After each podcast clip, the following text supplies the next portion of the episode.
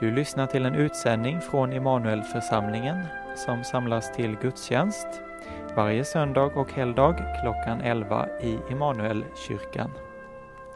För information och kontaktuppgifter gå in på hemsidan immanuelforsamlingen.se.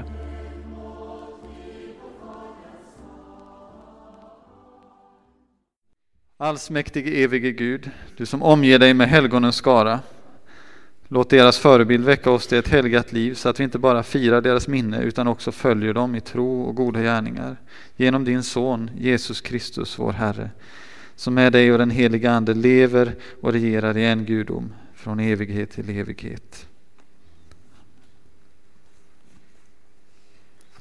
Hör Herrens ord ifrån Jesaja boks 60 kapitel. Så säger Herren, man ska inte mer höra talas om våld i ditt land eller ödeläggelse och förstörelse inom dina gränser, utan du ska kalla dina murar för frälsning och dina portar för lovsång. Solen ska inte mer vara ditt ljus om dagen, månen ska inte mer lysa dig med sitt sken. Herren ska vara ditt eviga ljus, din Gud ska vara din härlighet. Din sol ska inte mer gå ner, din måne inte mer avta, ty Herren ska vara ditt eviga ljus och dina sorgedagar ska upphöra. Då ska alla i ditt folk vara rättfärdiga och för evigt besitta landet som ett skott av min plantering, som ett verk av mina händer för att förhärliga mig. Av den minste ska det bli tusen, av den ringaste ett stort folk. Jag, Herren, ska med hast låta detta ske när dess tid kommer. Hör också Herrens ord ifrån Hebreerbrevets tolfte kapitel. När vi alltså har en så stor sky av vittnen omkring oss, låt oss då lägga bort allt som tynger och särskilt synden som snärjer oss så hårt och löpa uthålligt i det lopp som vi har framför oss. Och låt oss ha blicken fäst vid Jesus, trons upphovsman och fullkomnare, som istället för den glädje som låg framför honom utstod korsets lidande utan att bry sig om skammen och som nu sitter på högra sidan om Guds tron. Tänk på honom som måste uthärda sådan fiendskap från syndare, annars tröttnar ni och tappar modet. Så lyder Herrens ord. Gud, vi tackar dig. Upplyft era hjärtan till Gud och hör dagens heliga evangelium. Så skriver evangelisten Matteus i sitt femte kapitel. Jesus sade, ni är jordens salt, men om saltet förlorar sin sälta, hur ska man då göra det salt igen? Det duger bara till att kastas ut och trampas ner av människor. Ni är världens ljus. Inte kan en stad döljas som ligger på ett berg. Inte heller tänder man ett ljus och sätter det under skeppan, utan man sätter det på ljushållaren så att det lyser för alla i huset. Låt på samma sätt ert ljus lysa för människorna så att de ser era goda gärningar och prisar er fader i himmelen.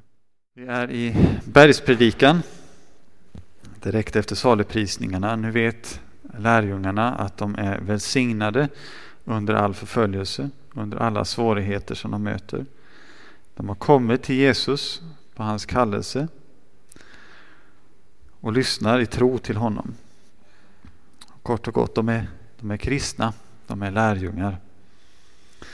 Och utifrån detta verk som Gud har gjort i dem, att Gud har skapat tro, kallat dem, fortsätter Jesus att tala med dem om deras kallelse som lärjungar i världen. Lärjungarna liknas vid både salt och ljus. Och Jesus talar inte om vad de ska vara eller vad de borde vara eller kan vara, utan vad de är. De ska alltså inte vara salt och ljus, utan de är salt och ljus. Där börjar det. Och sedan talar han om vad detta innebär och hur detta manifesteras, hur detta kommer till uttryck i deras och i kyrkans liv. Och utifrån detta har vi predikans två rubriker. Jesu lärjungar är frimodiga i sin kallelse att vara jordens salt utan att vara hycklare. Och två. Jesu lärjungar låter sitt ljus lysa utan att framhålla det och utan att dölja det. Den första. Jesu lärjungar är frimodiga i sin kallelse att vara jordens salt utan att vara hycklare. Först då, vad menar Jesus med salt här? Salt kan användas till många olika saker Och det var också känt att salt användes till många saker vid den här tiden. Eh, du hade salt till offren, du hade salt för smaksättning i maten. Eh, du hade salt för att förhindra förruttnelse. Det verkar också vara så att du hade saltkaka eh, som en slags katalysator för att kunna elda djurspillning i ugnen i huset och så vidare. Och det är många som har lyft fram det som att det är det Jesus här menar. Men mest sannolikt så är det som ett medel mot förruttnelse som Jesus är ute efter här. Och det är också det som blir tydligast i, i parallellen med världens ljus. Jorden behöver salt för att inte ruttna och lärjungarna är detta salt.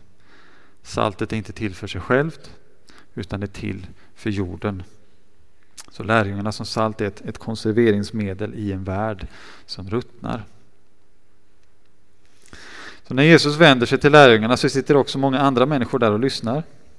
Men inte till dem han vänder sig först och främst utan det är till lärjungarna.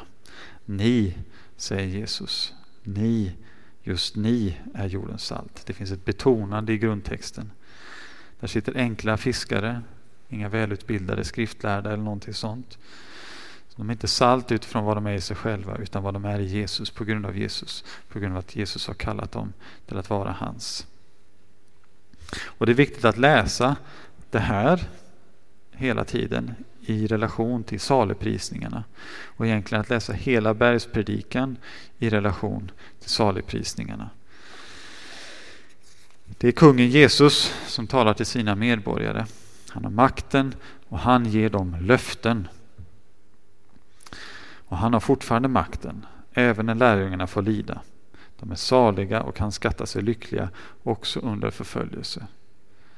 Saliga, eh, saligprisningarna är, är evangelium och inte lag.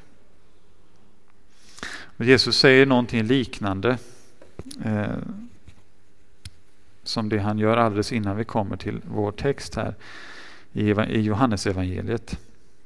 I världen får ni lida, men var frimodiga, ty jag har övervunnit världen. I världen får ni lida, men var frimodiga. Jag har övervunnit världen. Det här säger Jesus kvällen innan eh, till sina lärjungar kvällen innan han själv ska, ska utstå ett, ett ofattbart lidande. Och det är verkligen ett, ett ofattbart lidande, ett, ett lidande som vi inte kan förstå. För vi kan aldrig ha erfarenhet av det. Det går långt utöver vad någon människa någonsin har utstått eller kommer att behöva utstå. Det är inte bara ett lidande som, som kom genom vad människor gjorde mot honom när de pryglade, korsfäste honom, hånade honom. Och när hans vänner övergav honom, eller Judas som förrådde honom. Utan en smärta var mycket större som kom genom att Gud, Fadern, lade på honom straffet för världens synd. Och all sjukdom och sorg och smärta. Och att han också sedan övergav honom på korset slagen och övergiven, inte bara av människor utan också och så mycket värre av sin far i himlen. Men samtidigt är det här på korset som han vinner seger över världen. Och med sin uppståndelse från de döda så ger han en försmak av den härlighet som väntar hans vänner. Och detta är grunden för hans vänners frimodighet i världen. Att Jesus har vunnit. Han har redan vunnit. De är saliga i hoppet hoppet om uppståndelsen till evigt liv med Jesus. Det är inte att de hoppas bli saliga som om det vore osäkert utan de har det hoppet, det löftet. Och det är något annat. Gud är ingen lögnare och han luras inte. Jesus har övervunnit världen och i honom är denna seger också vår seger. Är det något som vi kanske bör be för?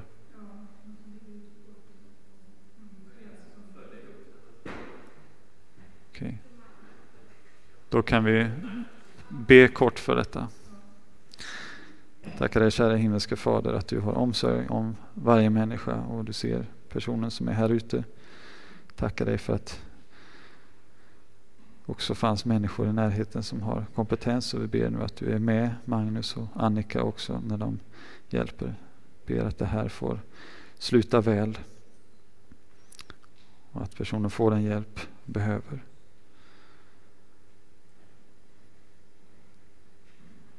I Jesu namn. Amen.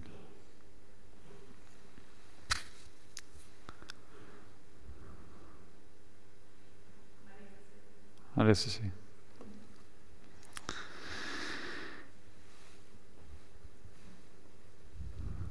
Och just när vi talar om uppståndelsen till evigt liv med Jesus.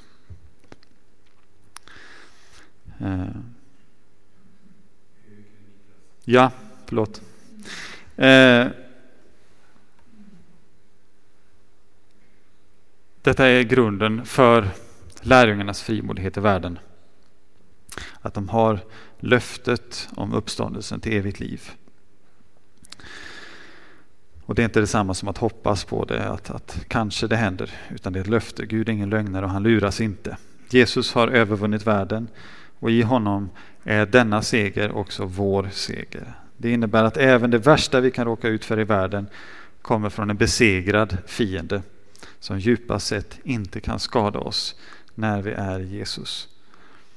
Paulus skriver i Romarbrevet 8. Vad ska vi nu säga om detta? Om Gud är för oss, vem kan då vara emot oss? Vem kan skilja oss från Kristi kärlek? Nöd eller ångest, förföljelse eller svält, nakenhet, fara eller svärd.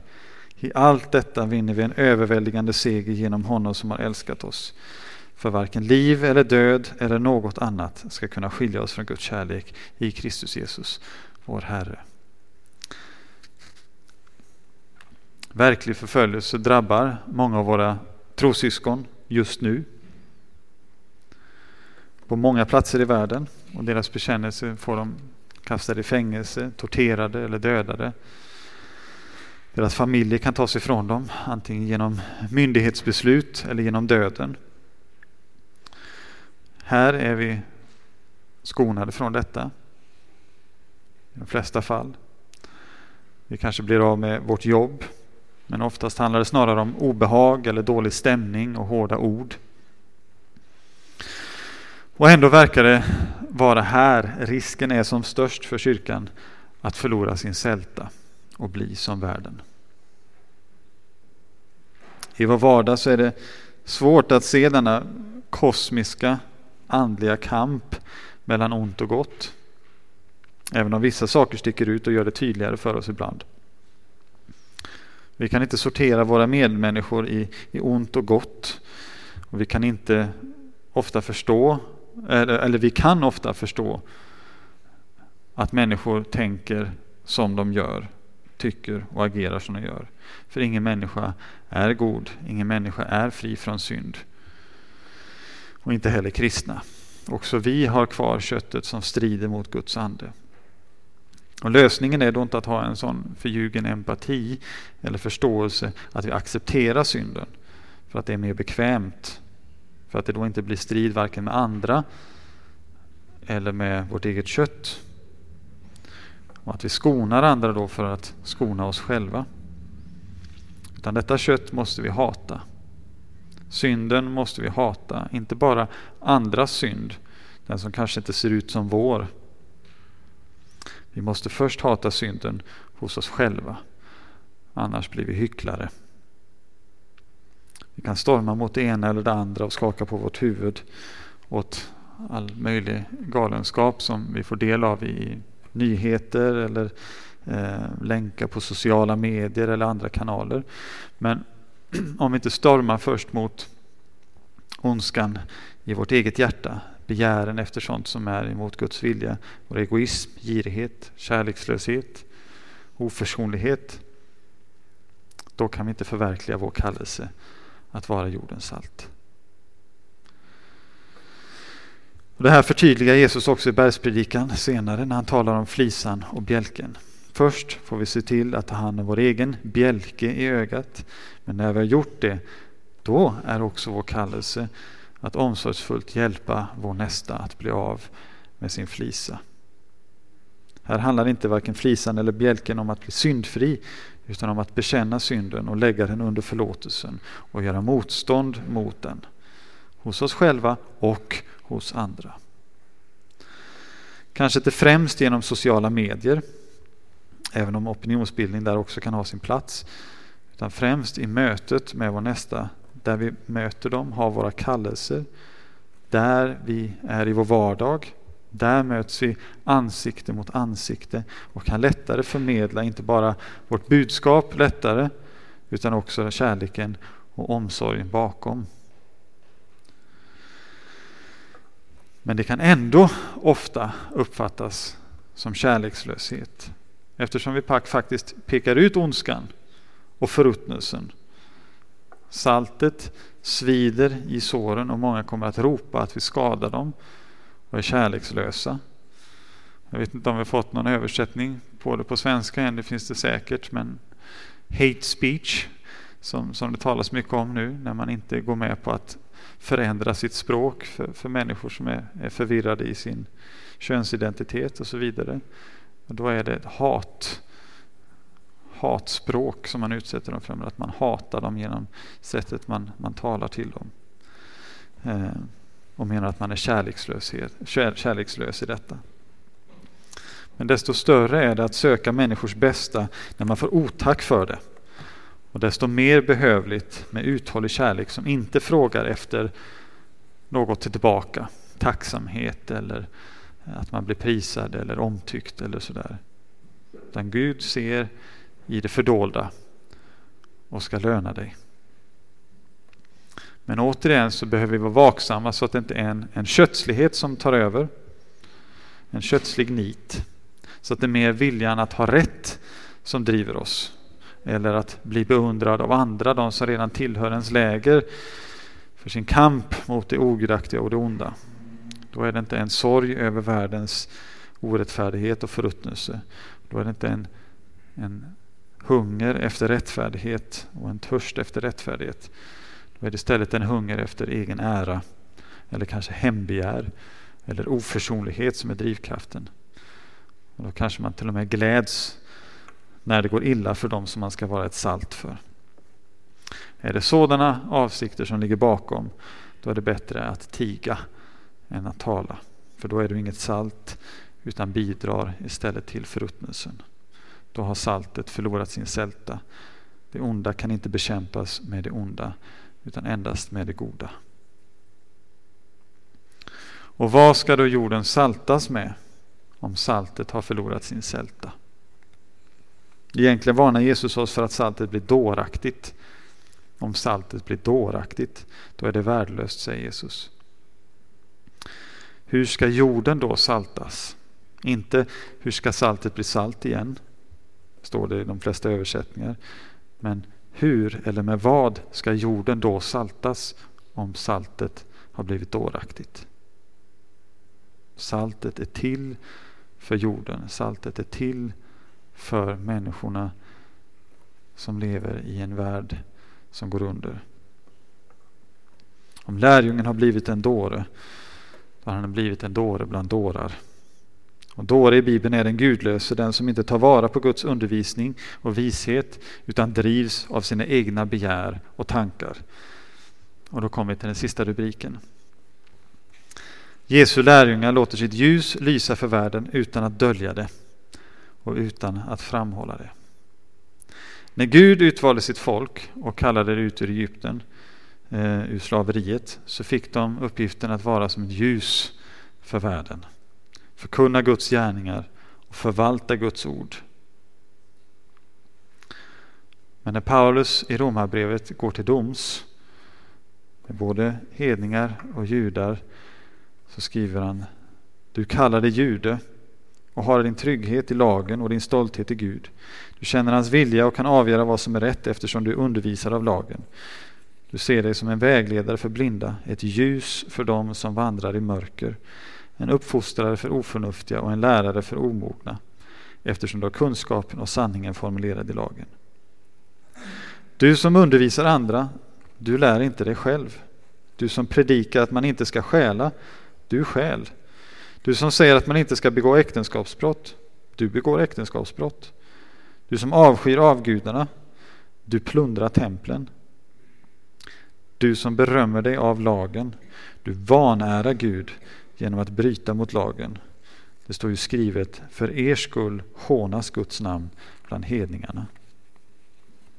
Saltet har blivit dåraktigt. Som jag nämnde innan så är ni betonat när Jesus talar till lärjungarna. Ni, just ni, är jordens salt. Just ni är världens ljus.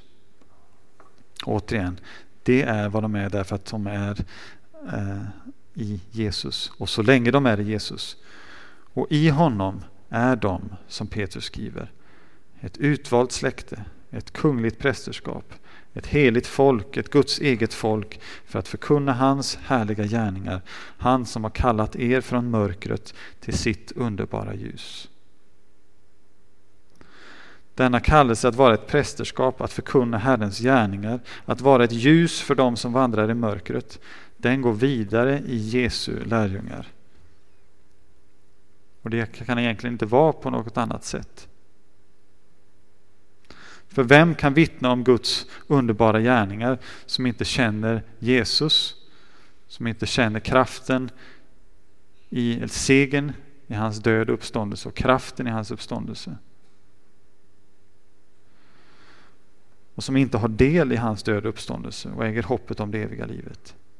Och vem kan bära ljusets frukter annat än den som själv har ljuset? Jesus som är världens ljus. Paulus skriver i Efesierbrevet. Ni var en gång mörker, men nu är ni ljus i Herren. Vandra då som ljusets barn. Kan lägga märke till ordningen igen, som alltid finns där. Ni var, men Gud har gjort er till ljus i Herren. Konsekvensen av det, vandra då värdigt er kallelse. Vandra då som ljusets barn. Till ljusets frukt består i allt vad godhet, rättfärdighet och sanning heter och pröva vad som är Herren kärt. Ha inget att göra med mörkrets ofruktbara gärningar utan avslöja dem istället. I likhet med saltet så är ljuset till för världen för att lysa i en värld full av mörker. Ljuset är, Guds, eller, eh, ljuset är Jesus och Guds ord. Ljuset är sanningen, ljuset är den rena kärleken, ljuset är Guds helighet och godhet. Både i ord och i gärning. Och detta ljus lyser hos Jesu lärjungar. Det är världens ljus och bär ljusets frukt i en mörk värld. Det märks om någon tillhör Jesus. Inte på det sättet att man kanske går runt och har ett stort smil i ansiktet jämt och ständigt. Att man alltid är på topp och aldrig har en dålig dag. Och inte heller att man alltid lyckas med allt man företar sig och aldrig har några nederlag. Men det finns andra kännetecken på en Jesu lärjunge. Lögnen har inte någon plats i en lärjunges mun. Och inte heller förolämpningar, skamligt och dumt prat eller grova vitsar som Paulus skriver. Och heller inte skitsnack. Istället ska vi tala väl om vår nästa. Tänka och tyda allt till det bästa. Ögonkänneri, fiffel och fusk Girighet eller sexuell omoral hör heller inte till ljusets frukt. Istället sköter en kristen sina kallelser väl och tjänar sin nästa trofast i stort och i smått. Vare sig det är i hemmet eller i samhället med dess lagar eller på arbetet oavsett om någon annan ser det eller märker det eller inte gör det. Gud ser. Och detta kan världen skratta åt, irritera sig på eller kalla skenhelighet. Och så får det i så fall vara. Det blir kontrasten som visar vad som är ljus och vad som är mörker. Mörkrets gärningar blir uppenbara och avslöjas när ljuset kommer till. Så ljuset ska inte döljas. Tron är inte en privatsak, något som ska gömmas undan för världen. Tron är inte personlig på ett sådant sätt att det är något vi ska hålla för oss, oss själva och inte dela med oss av. Tron är inte bara en, en inre övertygelse utan det är någonting som genomsyrar allt vi är, gör och säger. För ytterst sett så är det Jesus det handlar om. Och han är ingen hemlighet som vi ska gömma undan. Han är inget skelett i garderoben som vi ska vara livrädda för ska trilla ut. Så att alla kan se det. Jesus är ljuset. och Det ska vi sätta fram så att alla kan se det. Men då är det också Jesus som är ljuset och inte vi själva. Han säger att människorna ska se våra goda gärningar och prisa vår far i himlen. Det är inte vi som ska prisas, det är inte vi som ska hamna i fokus. Vi ska inte riva åt oss äran ifrån Gud. Vi ska inte berömma oss av att vi är goda kristna, utan vi ska berömma oss av att Kristus är god och att han har varit och är god mot oss. Så när vi talar ska vi inte lyfta fram våra goda gärningar utan den goda gärning som har blivit gjord för oss i Jesus och av Jesus. Så vi får erkänna oss vara de syndare vi är med de fel och brister vi har. Vara ödmjuka och ärliga. Och då lyser Jesus genom sprickorna. Paulus skriver i, i andra Korintierbrevet. Gud som sade ljus ska lysa ur mörkret. Han har lyst upp våra hjärtan för att kunskapen om Guds härlighet som strålar från Kristi ansikte ska sprida sitt ljus. Men denna skatt har vi i lerkärl för att den väldiga kraften ska vara Guds och inte komma från oss. Därför vill jag hellre berömma mig av min svaghet för att Kristi kraft ska vila över mig. För när jag är svag, då är jag stark.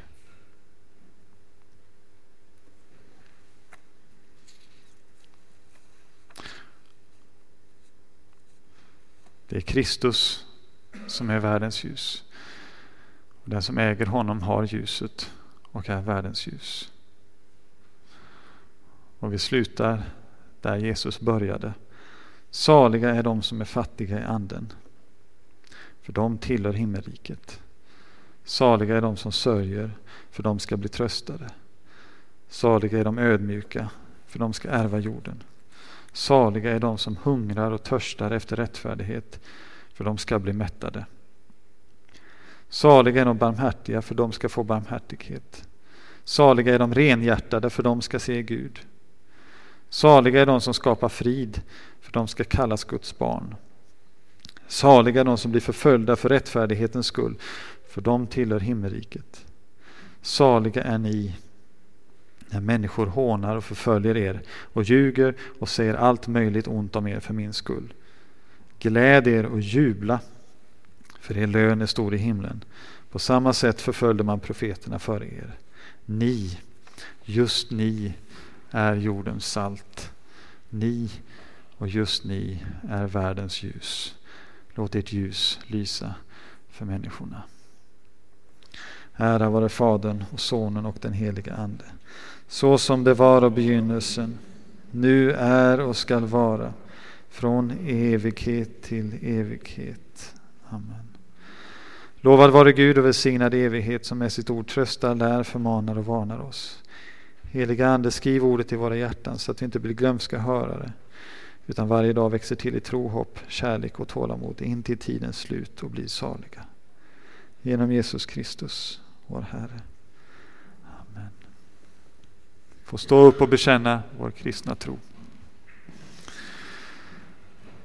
Vi tror på Gud Fader allsmäktig, himmelens och jordens skapare. Vi tror och på Jesus Kristus, hans enfödde Son, vår Herre, vilken är avlad av den heliga Ande, född av jungfrun Maria, pinad under Pontius Pilatus, korsfäst, död och begraven, nederstigen till dödsriket, på tredje dagen uppstånden igen ifrån de döda, uppstigen till himmelen, sittande på allsmäktig Gud faders högra sida, därifrån igenkommande till att döma levande och döda. Vi tror också på den helige Ande, en helig allmänlig kyrka, det heliga samfund, syndernas förlåtelse, kroppens uppståndelse och ett evigt liv.